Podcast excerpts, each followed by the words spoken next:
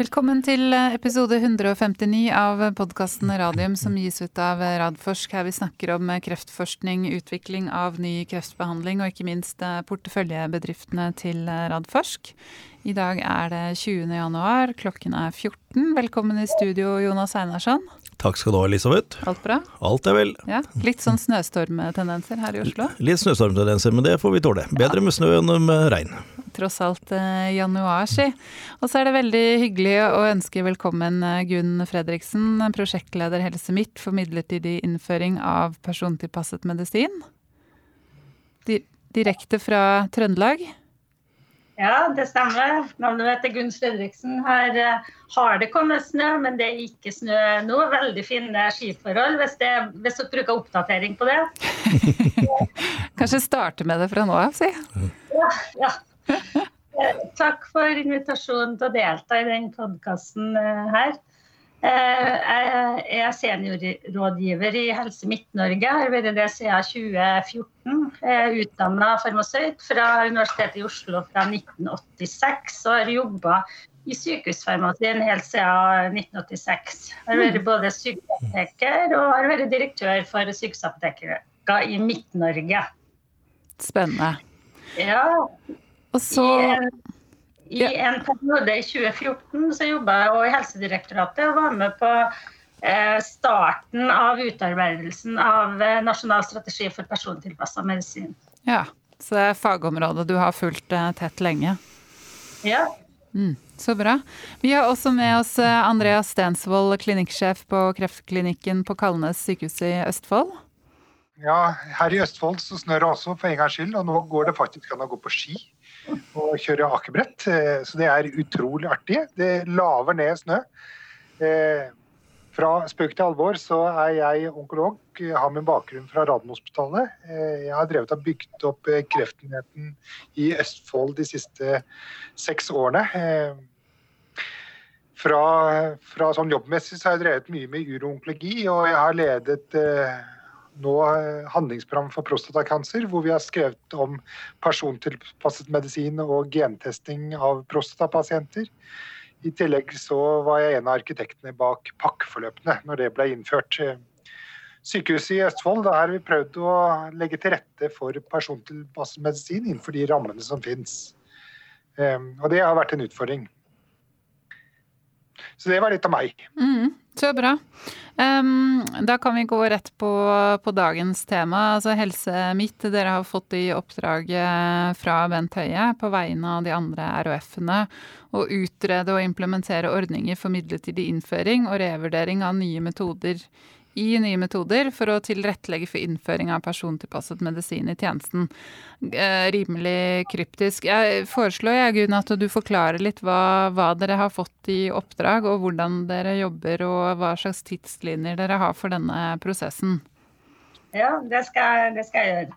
For det første så er jo dette oppdraget en oppfølging av to oppdrag som eh, de regionale helseforetakene fikk i, 20, i 2020.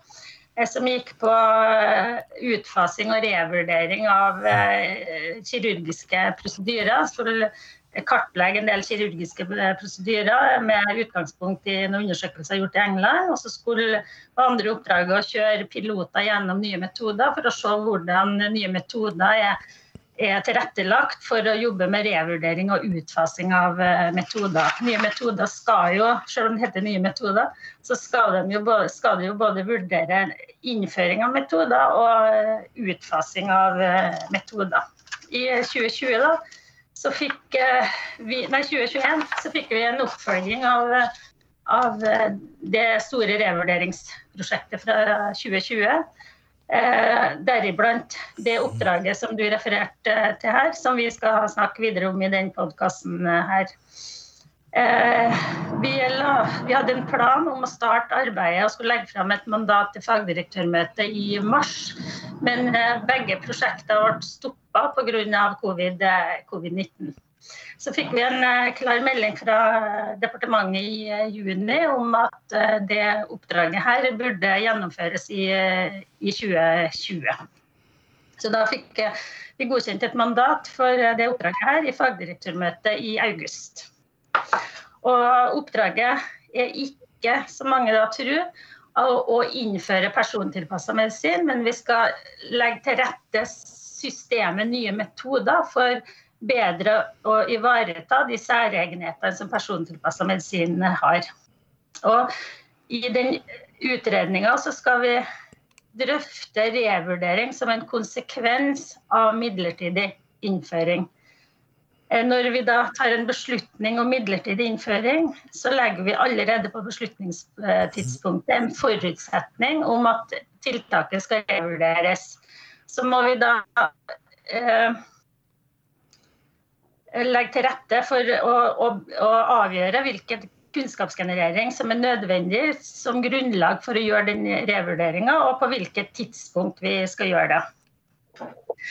Eh, og vi gjør jo mange beslutninger i dag eh, om innføring eh, av persontilpassa medisin. Og vi har òg gjort noen beslutninger om midlertidig innføring. Og da har vi knytta noen, noe kriterier til den innføringa. Bl.a. så har vi noen legemidler som vi har satt tydelige start-stopp-kriterier på. Vi har krav om at behandlinga må registreres i, i register. Og vi har Eh, noen legemidler som har såkalt betinga markedsføringstillatelse. og Der ligger det jo implisitt i, i godkjenninga at de skal komme opp til revurdering når det høster mer, eh, mer dokumentasjon. Da. Det vi mangler, det er jo en systematisk måte å ta beslutninger om midlertidig innføring på både eh, hvilke kriterier skal ligge til grunn for at det er en midlertidig innføring, og hvordan vi skal sikre kunnskapsgrunnlaget. Mm. Så Det er jo innholdet i selve oppdraget, sånn som det er definert i mandatet. Mm. Det er ganske komplisert arbeid, det her? Ja, det er et ganske komplisert eh, arbeid. Og vi har eh, i og med at det er persontilpassa medisin, så er det klart at her er det både diagnostika og legemidler og for så vidt en del medisinsk utstyr som kan være aktuelt. Eh, vi har, eh, eh, eller Beslutningsforum har gitt et oppdrag til, til Folkehelseinstituttet å se på hvordan en kan vurdere diagnostiske tester. Det gjør de i samarbeid med fageksperter fra spesialisthelsetjenesten og sammen med kompetansenettverket for eh, sjeldne tilstander. I det oppdraget så har vi òg lagt inn det med revurdering, sånn at det, det oppdraget går nå parallelt med det oppdraget som jeg leder. Mm. Og så har uh, vi ekskludert medisinsk utstyr i den omgangen her, sånn at det er legemidler vi konsentrerer oss om. Nå, så det, når jeg snakker videre om tiltak så videre, nå, så er det knytta til, til, legemidler. Mm. Eh, og så sier du at dere skulle jo egentlig vært ferdig i 2020, men nå er vi jo i 2021. Så hva slags tidslinjer er det du eh, jobber ut fra nå, i og med at dere ble litt forsinket pga. koronasituasjonen? Vi har eh, lagt opp et stramt tidsløp. Da, så Vi har lagt opp til en godkjenning av en sluttrapport i fagdirektørmøtet allerede i mars. Eh, og en videre godkjenning i AD-møtet i april. Da. Mm. Og, og, vi jobber jo i forhold til den, eh, den tidsplanen. Mm. Nettopp. Um, si, kan du si noe om hva som ligger innafor den planen, eller er det for tidlig? Ja, det kan jeg, skal jeg si litt om hvordan vi har organisert oss og hvem som er involvert i arbeidet? Ja, det er supert. Ja. Det er jo eh, de regionale fagdirektørene med to konserntillitsvalgte som er eiere og styringsgruppe for eh, prosjektet. Og så har vi nedsatt ei prosjektgruppe bestående av representanter fra de fire regionale helseforetakene, Helsedirektoratet, Legemiddelverket, Sykehusinnkjøp, Sekretariatet for nye metoder, FHI, en brukerrepresentant og en, en representant fra Nasjonalt kompetansenettverk for sjeldne tilstander. Og så er det kanskje noen som mangler klinikere inn i det. Jeg tenker at uh, Hvor er klinikerne i den gruppa her? Og da har uh, fagdirektørmøtet uh, sagt at de ønsker at vi skal kjøre noen innspillsrunder med klinikere i stedet for å ha dem inn i prosjektgruppe. og det er med tanke på å spare tid for klinikerne. Så vi har lagt opp til at det skal være innspillsgruppe fra to innspillsgrupper. En Eh, bestående av onkologer og en av eh, representanter innenfor sjeldne tilstander. For det er i hovedsak de to områdene som er aktuelle aktuell per nå. da. Mm. Og så har vi da en referansegruppe i prosjektet, og da har vi valgt å bruke deler av den eh, referansegruppa som allerede finnes i, i, nye metoder. Og da er det representanter fra Legeforeninga, Sykepleierforbundet, Melanor, LMI, FFO, Statens helsetilsyn og Kreftforeninga som er i den referansegruppa. Mm. Vi har hatt ett møte med den referansegruppa, og det var et veldig godt møte med veldig mange gode innspill til i, i arbeidet. Og vi skal ha ett møte til nå i, i februar. Mm. Så bra. Tenkte du å si noe om tiltakene nå, eller? Ja, det er opp til hva du ønsker. Jeg kan godt si litt videre om hva vi har, har jobba med. Jeg vet ikke hvor mye detaljer dere vil ha, men jeg kan i hvert fall si litt hvordan vi har lagt opp arbeidet og hvor langt vi langt vi er kommet. Da. Mm. Altså, Ramma for prosjektet er jo de forutsetningene som uh, nye metoder bygger på. Og Der vet dere at det er prioriteringskriteriene som ligger til grunn der, altså nytte, alvorlighet, eh, ressurser. sånn at det skal jo legges til grunn når vi skal ta beslutninger knytta til innføring av persontilpassa medisin. Eh, Overordna status, da, så har vi, vi har egentlig jobba på litt to, langs to linjer. Det ene er litt en generell vei knytta opp mot særegenheter med persontilpassa medisin. Sett på grenseoppgangen mellom utprøvende behandling, forskning og nye, nye metoder. Og Der skal Helsedirektoratet komme med et notat eh, på det, eh, inklusive en, en, del juridiske vurderinger på det. For Det har jo betydning for inngangen i nye metoder. Altså I dag så er det jo sånn at i nye metoder så er det et krav om at, være, at et legemiddel skal ha markedsføringstillatelse før beslutningen i nye metoder tas. Altså, Vurderinga starter jo på et mye tidligere tidspunkt, men når eh, beslutninga er tatt, så skal markedsføringstillatelsen være klar. Og jo, Det betyr jo at effekt og sikkerhet er dokumentert for det aktuelle legemiddelet. Så det gir jo en begrensning inn og, og, i forhold til utprøvende behandling og forskning. Men vi er ikke ferdig akkurat med beskrivelsen av det området. Og så har vi jo gått inn på særegenheter med persontilpassa medisin. Eh, hva er på en måte annerledes med persontilpassa medisin enn eh, andre vurderinger vi gjør? Og da, Det der er jeg ikke kjent med. Så det det med små pasientgrupper, relativt korte studier, usikker dokumentasjon, legemidler som får markedsføringstillatelse på et veldig tidlig tidspunkt osv. Og så er det, gir jo også det noen fordeler med at du da mindre, mindre grupper for å vise, vise, effekt. Og da har vi tatt utgangspunkt i, i Nasjonal strategi for persontilpasset medisin og brukt opp en del av teksten der. Så har vi jo eh, innhenta eh, opplysninger om systemer i, fra, eh, i andre land. og det hovedsakelig Norden og England, som har NHS. Da. Eh, vi har vurdert prinsipper i Cancer Drug Fund som mulig alternativ.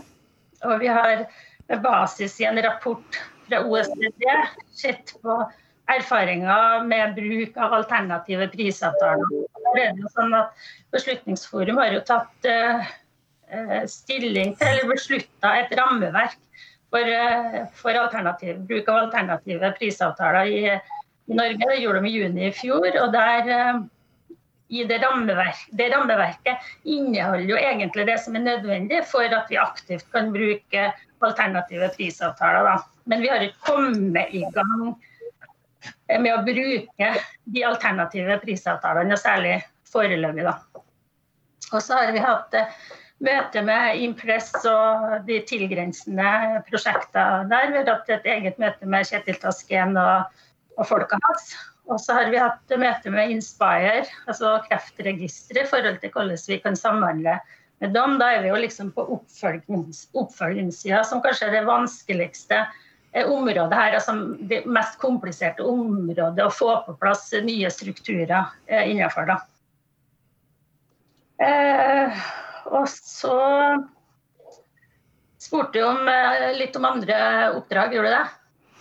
Nei, det var mer det som du har vært innom nå, tror jeg, i forhold til hvilke tiltak og sånn dere vil anbefale. Men jeg tenker vi må få med oss eh, Andreas her, ja. Altså du, du jobber jo som kliniker og onkolog, Andreas, og, og persontilpasset medisin er jo noe som man har visst kommer til å komme innenfor kreftfeltet lenge. Eh, og som nå på en måte Nå skjer det jo mye i Norge også ble jo nevnt i en presse her, og, og, det er kommet en god del bevilgninger over statsbudsjettet mm. som skal inn nå Norsk Genomsenter, bedre molekylær eh, diagnostikk. Um, hvor viktig er det å få på plass dette her for de kreftpasientene du ser i Østfold? Jeg tenker eh, generelt for alle kreftpasienter i Norge så er dette ekstremt viktig. Eh, dette har vi sittet og venta på. Nabolandene våre er langt framme. Vi kommer litt haltende etter. Jeg ble egentlig veldig veldig glad i 2018, jeg, for under sykehustalen i 2018 så sier Høie at vi skal legge til rette for persontilpasset medisin. Eh, og Så kan man jo si mye at det gikk to år før mer eller mindre oppdraget kom. Eh, men dette er for pasientene er ekstremt viktig. De gangene vi har mulighet til å gi persontilpasset medisin ut ifra genetiske analyser, så er det jo ofte ser vi fantastiske resultater det er ofte medikamenter som er godkjent på annen indikasjon som vi gir til en annen tumorgruppe. Så dette er viktig å få på plass. Og så har eh, eh, metoden, eller eh, innføringsmetoden vi har hatt i Norge, nye metoder, vært nok litt rigid i forhold til de små gruppene. For nå må vi jo på en måte tenke tumorgi, tumorbiologi på en helt annen måte. Det er faktisk ikke så interessant lenger om du har prostatakancer eller brystkancer eller et sarkom, hvis tumoregenskapene tilsier at uh, du skal ha et medikament for uh, ventrikkelkancer. Mm. Og Det er for meg persontilpasset medisin. Uh, så er det masse vi ikke vet. Så vi trenger også en, en, kunnskapsløft også blant oss klinikere. Hvordan skal vi begynne å tolke de rapportene vi får etter NGS-testing, altså New Generation Sequencing. Hvordan skal vi klare å angripe dette på en god måte? Jeg tror det er bra at vi får på plass eh, sånn som Impress-studien. Eh, den er jo blitt kjørt i andre land, så du kan jo diskutere hvor mye nytt den vil bringe sånn kunnskapsmessig for Norge, ja, men internasjonalt kanskje litt mindre. Men dette er viktig å få på plass raskt. Eh, som et eksempel så har jeg nå en eh, prostatapasient som jeg har gitt eh, dobbelt immunterapi. Mm. Som har vært syk veldig mange år. Han er nå tilbake i full jobb. Eh, kunne vi ha gjort gentester på han tidligere, slik at han f.eks. hadde sluppet bivirkningen av kjemoterapi som han ikke hadde noe effekt av? At da har jeg påført en egentlig lidelse. Så kan du si at dette var litt tilfeldig at vi fikk gjort en genetisk analyse at uh, alle kreftpasienter får ikke det. Så det er jo viktig at vi får på plass et godt system for å legge til rette, slik at man kan uh, velge de riktige pasientene til den persontilpassede delen. Mm. Men hvordan er liksom status hos dere nå nettopp på det med testingen? For det er jo som du sier at hvis du har muligheten til å teste, så er det jo på en måte enklere å finne medisiner som passer. Er, er det noe som blir gjort rutinemessig når det kommer kreftpasienter inn til deg?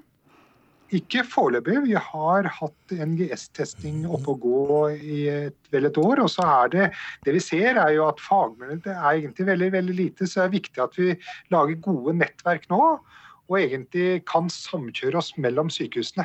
Slik at dette blir egentlig mer unisont. Og det jeg gleder meg mest til egentlig Impress, det er jo eh, den tumorboarden hvor vi egentlig samler flere eksperter.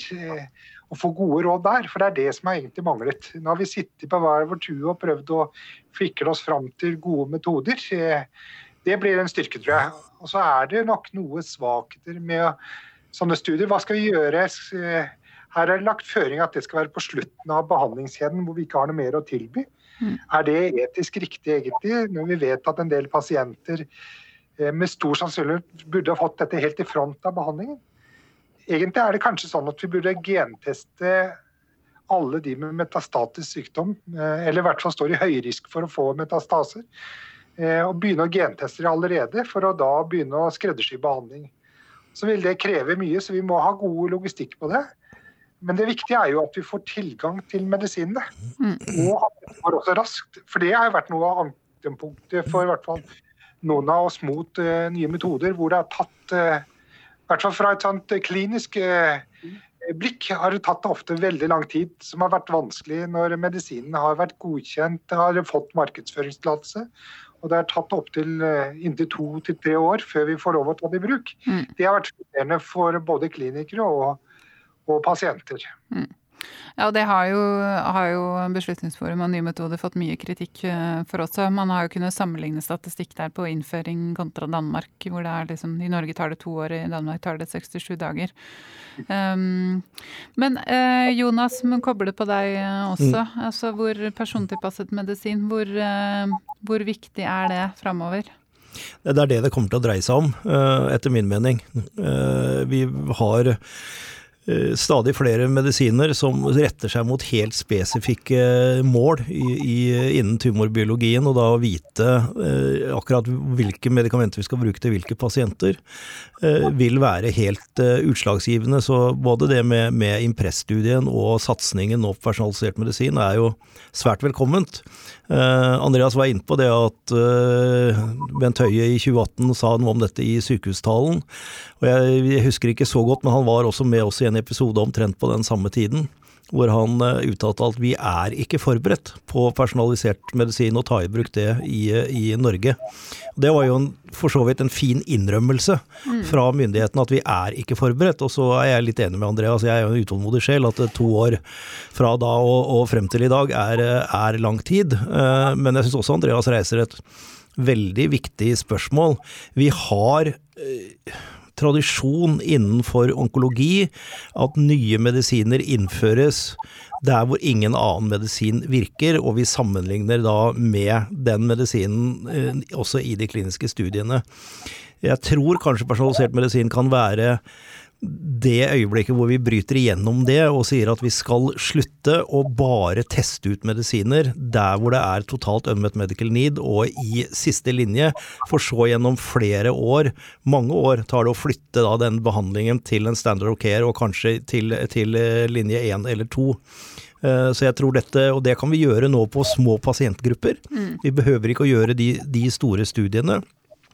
Og så hører jeg også fra, fra Gunn en ting som jeg, jeg syns er, er, veldig positivt, og det er på en måte den erkjennelsen av at personalisert medisin og de nye medisinene vi tar i bruk nå, som innenfor immunterapi og andre, at det er en helt annen måte å utvikle kreftlegemidler på enn det har vært tidligere. Vi må derfor ha nye modeller for å vurdere de. Oppfølging blir mer og mer viktig fordi de blir godkjent på et mye svakere grunnlag dokumentasjonsmessig enn det vi har gjort tidligere. Det, det kan vi ikke legge skjul på. Mm. Derfor blir oppfølgingen så viktig, og da kommer Impress-studien inn som det, at vi virkelig følger pasienten og ser hvordan det går med dem når de får denne behandlingen. Så alle disse tingene er for meg liksom tegn på at vi tar i ferd med å ta inn over oss, litt seint, men, men, samme av det, vi, vi er der nå. At, at vi er, står opp på en måte overfor litt sånn paradigmeskifte i hvordan vi utvikler kreftlegemidler. Så, så jeg syns dette jobben eh, sånn, Det er litt sånn som uh, konsul Worse kom sent, men godt. Men jeg eh, holdt på å si, mm, sånn som jeg også ser persontilpasset medisin, så endrer det jo helsevesenet og kan man på en måte si helsebyråkratiet også voldsomt, da. Har dere tenkt noe rundt, eh, rundt altså de utfordringene det stiller? Eh?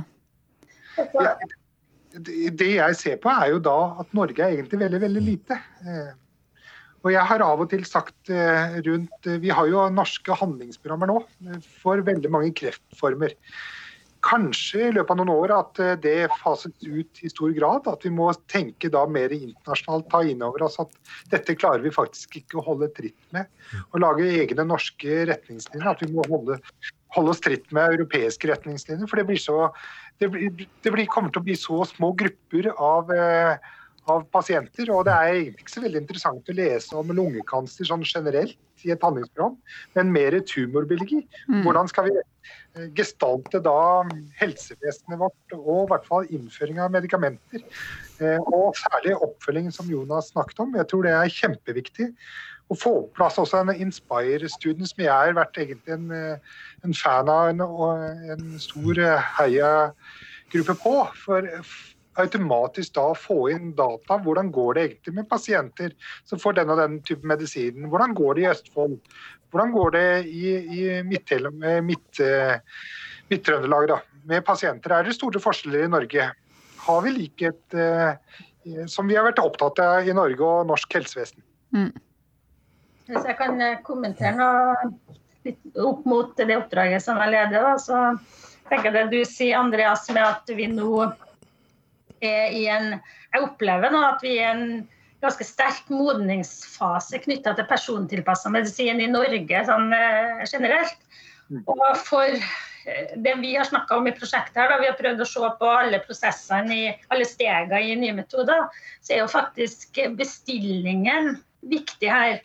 Så vi ønsker å, å få, uh, få, med kliniske eksperter inn, i, inn når vi gjør selve bestillingen. For uh, det legger jo en del av, uh, av premissene for hvordan vi skal gjennomføre vurderingen og, og beslutningen. Så det er et av de tiltakene som vi har, som har jobba med. For da kan vi være mer presis på på type altså subgruppepasienter, eller, eller hva det er. Og det er som du sier, at nå kommer det jo Eh, altså godkjenning på eh, patomekanisme og ikke på diagnose. Og Det gir jo en utfordring sånn som dagens nye metode er bygd opp. for vi, Det er bygd opp på indikasjoner. Vi har sagt at alle indikasjoner skal, skal vurderes. Så her må det jo skje en endring. Og så har vi eh, diskutert mye med i, altså selve metodikken for metodevurdering. Og der vil jo Legemiddelverket gjøre en, altså Et av tiltakene her vil jo være at Legemiddelverket Eh, med flere skal gjøre en utredning eller en vurdering knytta til hvordan vi håndterer usikkerhet. Bl.a. både i analysene, eh, i, i, dokumentasjon, kvaliteten på dokumentasjon, hvordan vi som beslutningstakere skal hensynta usikkerhet eh, osv. Så, så det vil være et av tiltakene. Og så kommer jo det når du skal gjøre en metodevurdering. Når søknaden går på partmekanisme, så er jo det en, en, ny metodikk. Det er mange, og det er mye sånne eksplorative analyser og syntetiske kontrollarmer. Så det, det, er mye som det vil mye usikkerhet scenarioanalyser i, i metodevurderingsdelen. Og det må vi bli mye bedre, bedre på. Og involvering av, av kliniske eksperter, eksperter der. Og noen ganger er det faktisk sånn at det hjelper ikke om vi tar en midlertidig innføring, fordi det kommer ikke til å komme bedre data enn det her. Hva gjør vi da? Mm. Og da er vi med at vi nå innfører en midlertidig eh, innføring, eller godkjenning, eller hva, hva vi skal kalle det. Eh, så, vi, så, er ikke risikoen så stor, for da kan vi faktisk gjøre om på den, den beslutninga. Da må det i systemet vi bygger opp være veldig tydelig at når vi sier midlertidig innføring, så mener vi midlertidig innføring. Det betyr ikke nødvendigvis at når vi skal revurdere, at det alltid vil bli, bli ja videre. For det er avhengig av hvilken dokumentasjon som har kommet, kommet i mellomtida. Mm.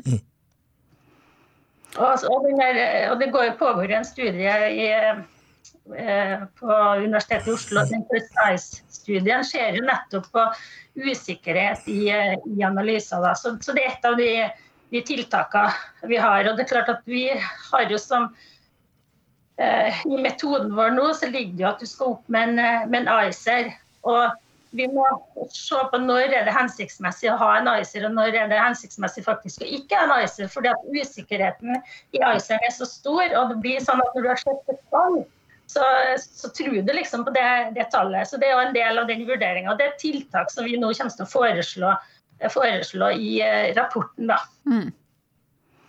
Og så kommer vi opp til det med oppfølging, da, som egentlig er det vanskeligste området her, og som vil ta lengst tid sannsynligvis å få gjort noe med. Og Der er vi jo nå i dialog med Inspire-prosjektet for, for, å få i gang en pilot på det. Eh, der vi bruker et legemiddel som allerede er innført, for å teste ut hvor lett er det egentlig å få tak i de i de um, dataene som det er behov for, eh, sånn at vi kommer i gang, litt, kommer i gang med det, da, med, med testapet som allerede er, er innført. Og så vil jo Impress-studien være et alternativ. Og så har vi jo vært så er det jo kommet en ny handlingsplan på kliniske studier nå, som kanskje gjør at en kan, kan få, kanalisere en del av oppfølging i, eh, i kliniske studier. Men vi vil gjerne ha innspill på hvordan vi skal jobbe med det med oppfølging. For klinikerne sier jo at det er veldig mye arbeid å registrere i, i register. og så Vi må sørge for at vi be om oppfølging på det som absolutt er nødvendig, og som vi, og som vi mener vi har nytte av når vi skal gjøre en revurdering. Mm. Men jeg, jeg, tror jo det norske systemet vi, vi, er jo veldig flinke til å registrere alt mulig på sykehusene. Men vi er ikke så flinke til å hente ut dataene. Det må vi også jobbe med, for jeg ser jo at vi driver masse dobbeltregistrering. Og vel det klinikerne er, begynner å bli lei av. Eh, så vi må finne smarte løsninger. Eh, i forhold til eh, og så tror jeg Dette viser jo også at eh, Norge med 5,5 millioner mennesker, det kan hende at dette blir for lite. At vi får for små grupper. At det er viktig at vi nå i Norden får til gode løsninger sammen. Vi har nesten den samme biologien på befolkningen, i hvert fall. At vi, vi tør å tenke litt større enn bare Norge. Mm. Og Det krever jo også litt i forhold til eh, hvordan man godkjenner medikamenter som er faktisk litt annerledes i både Danmark og Sverige som Elisabeth sa i stad, og tid i forhold til det. Hvordan skal vi klare å rigge dette? Eh, og så handler det for meg faktisk en god del av denne persontilpasset Det handler faktisk om å spare penger.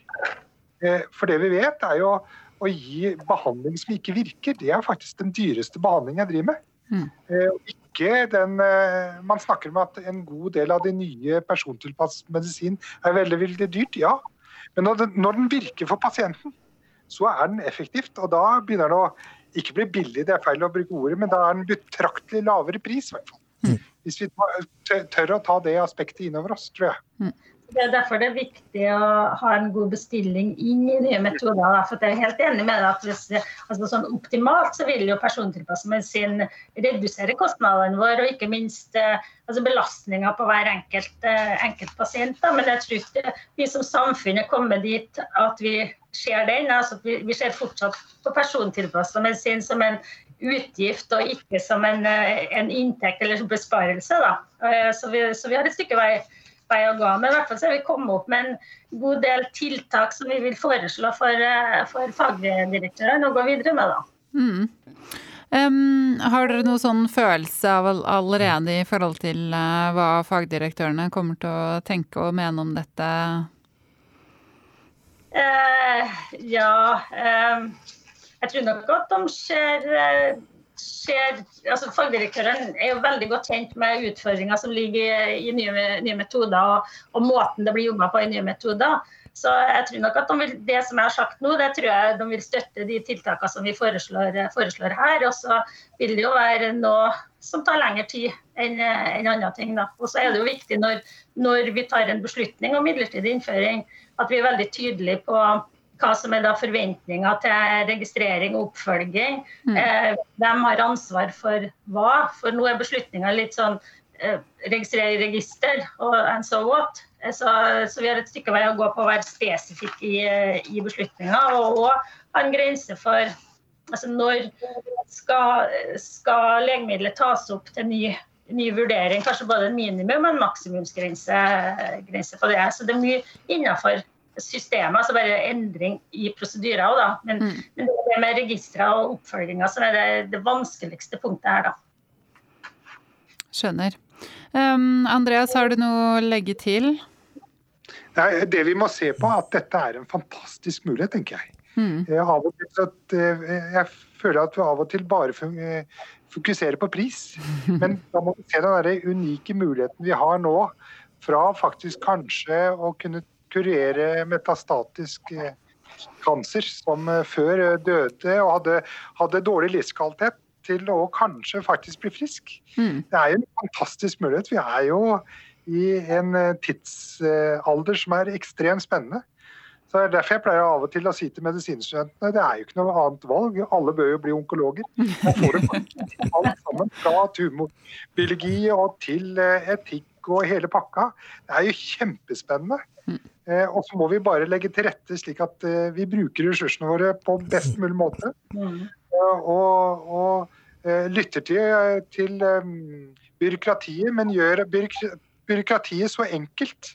Slik at vi kan få i gang raske prosesser for å få dette på plass. Mm. som skal være trygt for pasientene. Jeg tror det er også viktig at vi er samferdig når vi sier at vi midlertidig innfører det. Ja, da finnes det lite dokumentasjon. Og Da må vi være såpass samferdige sannferdige og si at ja, det er like, lite dokumentasjon, eh, men vi må jobbe for å vise at dette er sikkert og bra. Det kan jo hende at det kommer opp ting underveis som har en slagside som ikke vi har tenkt til. At da er det midlertidig. At det kan faktisk at dette var ikke helt riktig det vi innførte for eh, så og så mange måneder siden eller så og så mange år siden. At du må tørre å tra ting tilbake også. Mm.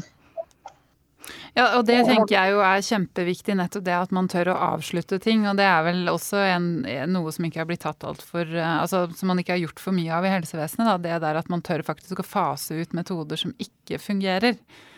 Det er jo samfunnsøkonomisk viktig. Ja, jeg tror, der tror jeg vi har veldig mye å hente i helsevesenet. Å være faktisk sannferdig. Hva er det som virker? Eh, Innenfor onkologi og kirurgi og hele pakka.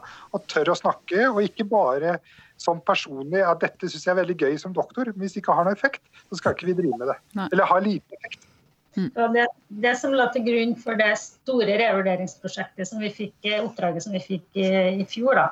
Og Der vi og, har vi jo fem piloter gjennom nye metoder nå på utfasing av, av kirurgiske prosedyrer, som det er valgt ut etter en prosess blant fag, fagmiljøet for å se hvordan det fungerer. Og så har vi valgt å kalle det revurdering i stedet for utfasing. for eh, en vil alltid få argumenter med at det er noen enkeltpasienter som vil ha nytte, nytte av det her. Så, så det jeg jobber med nå, er jo tilsvarende, bare at her har vi allerede gjort en beslutning først da, i nye metoder. Så det, det kommer inn som nytt, og så skal det revurderes eh, på et senere tidspunkt. Da.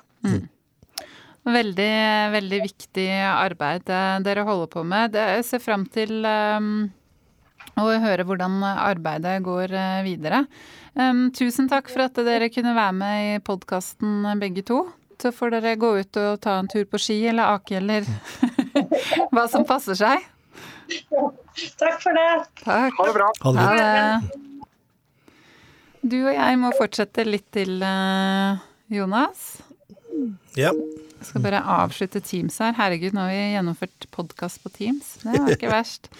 Um, skal vi se. Jeg skal bare ta av meg de dumme hodetelefonene, for jeg hører meg selv.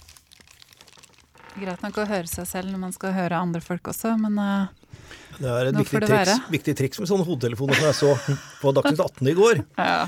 Det var vår, kultur, vår kulturminister som var i eh, debatt med en dame, og han eh, satt i studio mens hun satt på Teams. Mm.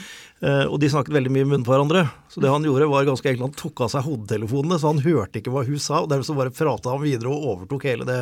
Det er et, et tips å ta med seg inn. Tips eller skittentriks. Alt etter sånn. Skal vi se. Vi har fått inn et par eh, lytterspørsmål som vi skulle ta her. Skal vi se. Det ene gikk vel på eh, kunne være interessant å få noen generelle betraktninger om hvordan Radfors prinsipielt ser for seg diversifisering og risiko i porteføljen når et, et selskap eller flere får ekstrem verdi og utgjør størstedelen av verdien i porteføljen. Ja, altså Generelt sett så Ja. er Radforsks filosofi at vi går inn veldig tidlig. Vi går jo også inn i førkommersialiseringsfasen hvis vi ser et prosjekt som vi mener har en kommersiell eh, mulighet og verdi. Og da kan vi bevilge opptil noen millioner kroner til prosjektet. Ja. Gjør vi avtale med oppfinnerne og de som står bak det, at hvis dette blir et kommersialiseringsprosjekt og vi lager et selskap, så konverterer vi de pengene vi har eh, brukt inn i selskapet som egenkapital i oppstartfasen. Hvis det ikke lykkes og vi sier at nei, vi tror ikke vi skal gå ut til eksterne investorer og hente inn penger til dette, dere må forske videre, gjøre sånn og sånn, komme tilbake til oss, så bare avskriver vi det som en bevilgning til god kreftforskning. Ja. Eh, Blir et selskap, så er vi veldig aktive, som, som alle vet, i, i eh, fasene utover. Og vi forsøker å være med i de fleste emisjoner, i de fleste runder. Eh, I og med at vi går inn så veldig tidlig, så har vi som regel alltid en relativt høy eierandel til å begynne med. og Det betyr at eh, vi er ikke så opptatt av om vi blir vannet ut noe underveis. Nei. Men vi vil gjerne sitte igjen med, også helt fram til eh, børsnotering og videre, med en, en eierpost som er, er sånn passende for, for Radforsk. Vi har opp gjennom disse 20 årene kun realisert i selskapene våre når vi har hatt behov for nye investeringer i nye selskaper, nye prosjekter, mm.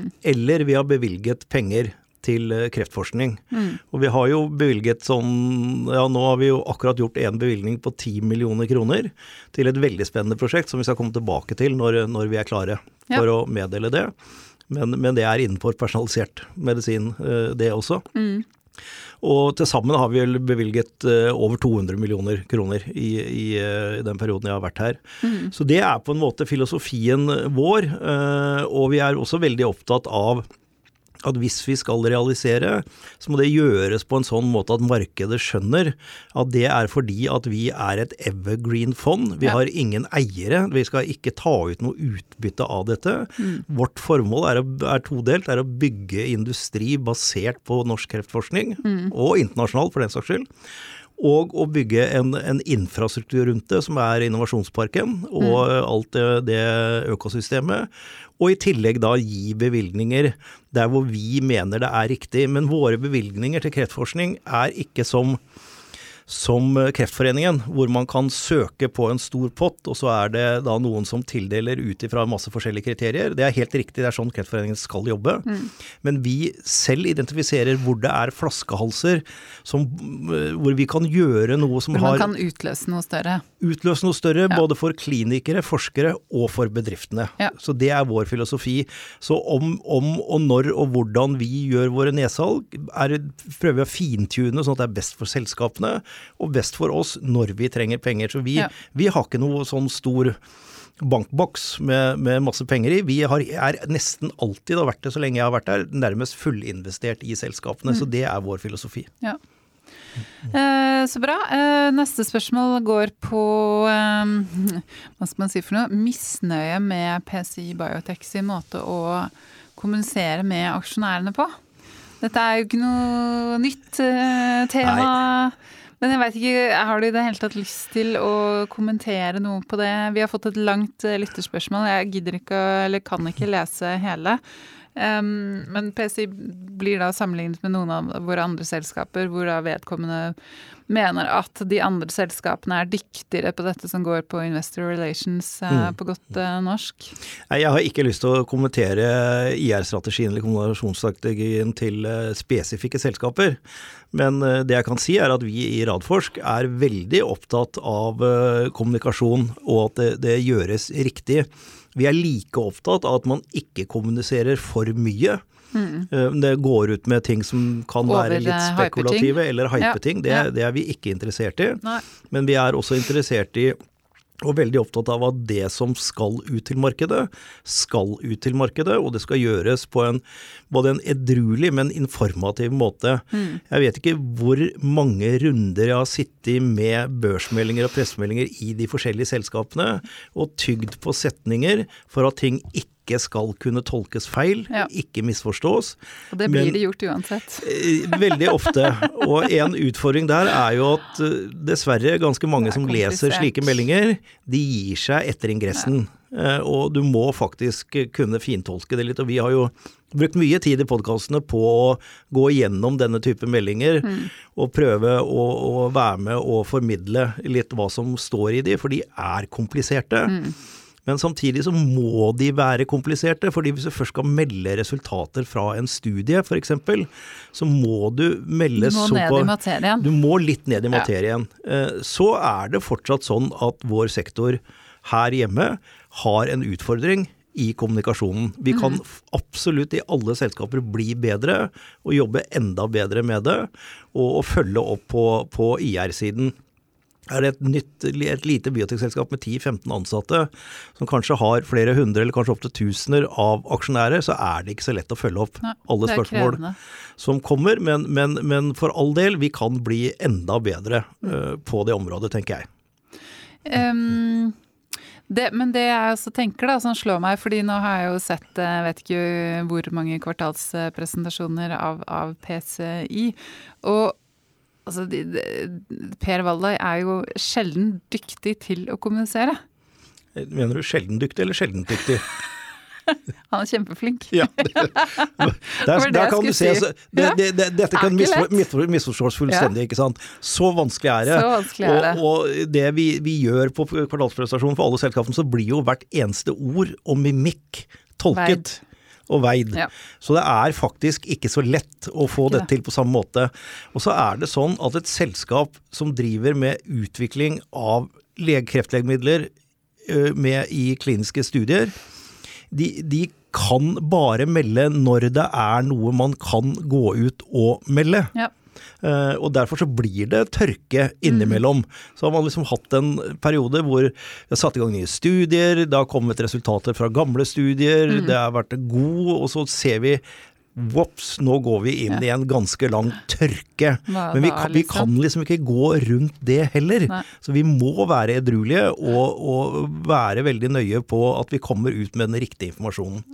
Vi snakka jo om det tidligere i dag i forhold til um, hva kan vi forvente fra selskapene våre nå? Og nå er det jo litt sånn at vi er inne i en periode. altså Nå er det jo kvartalspresentasjoner i, i februar-mars, da. Mm.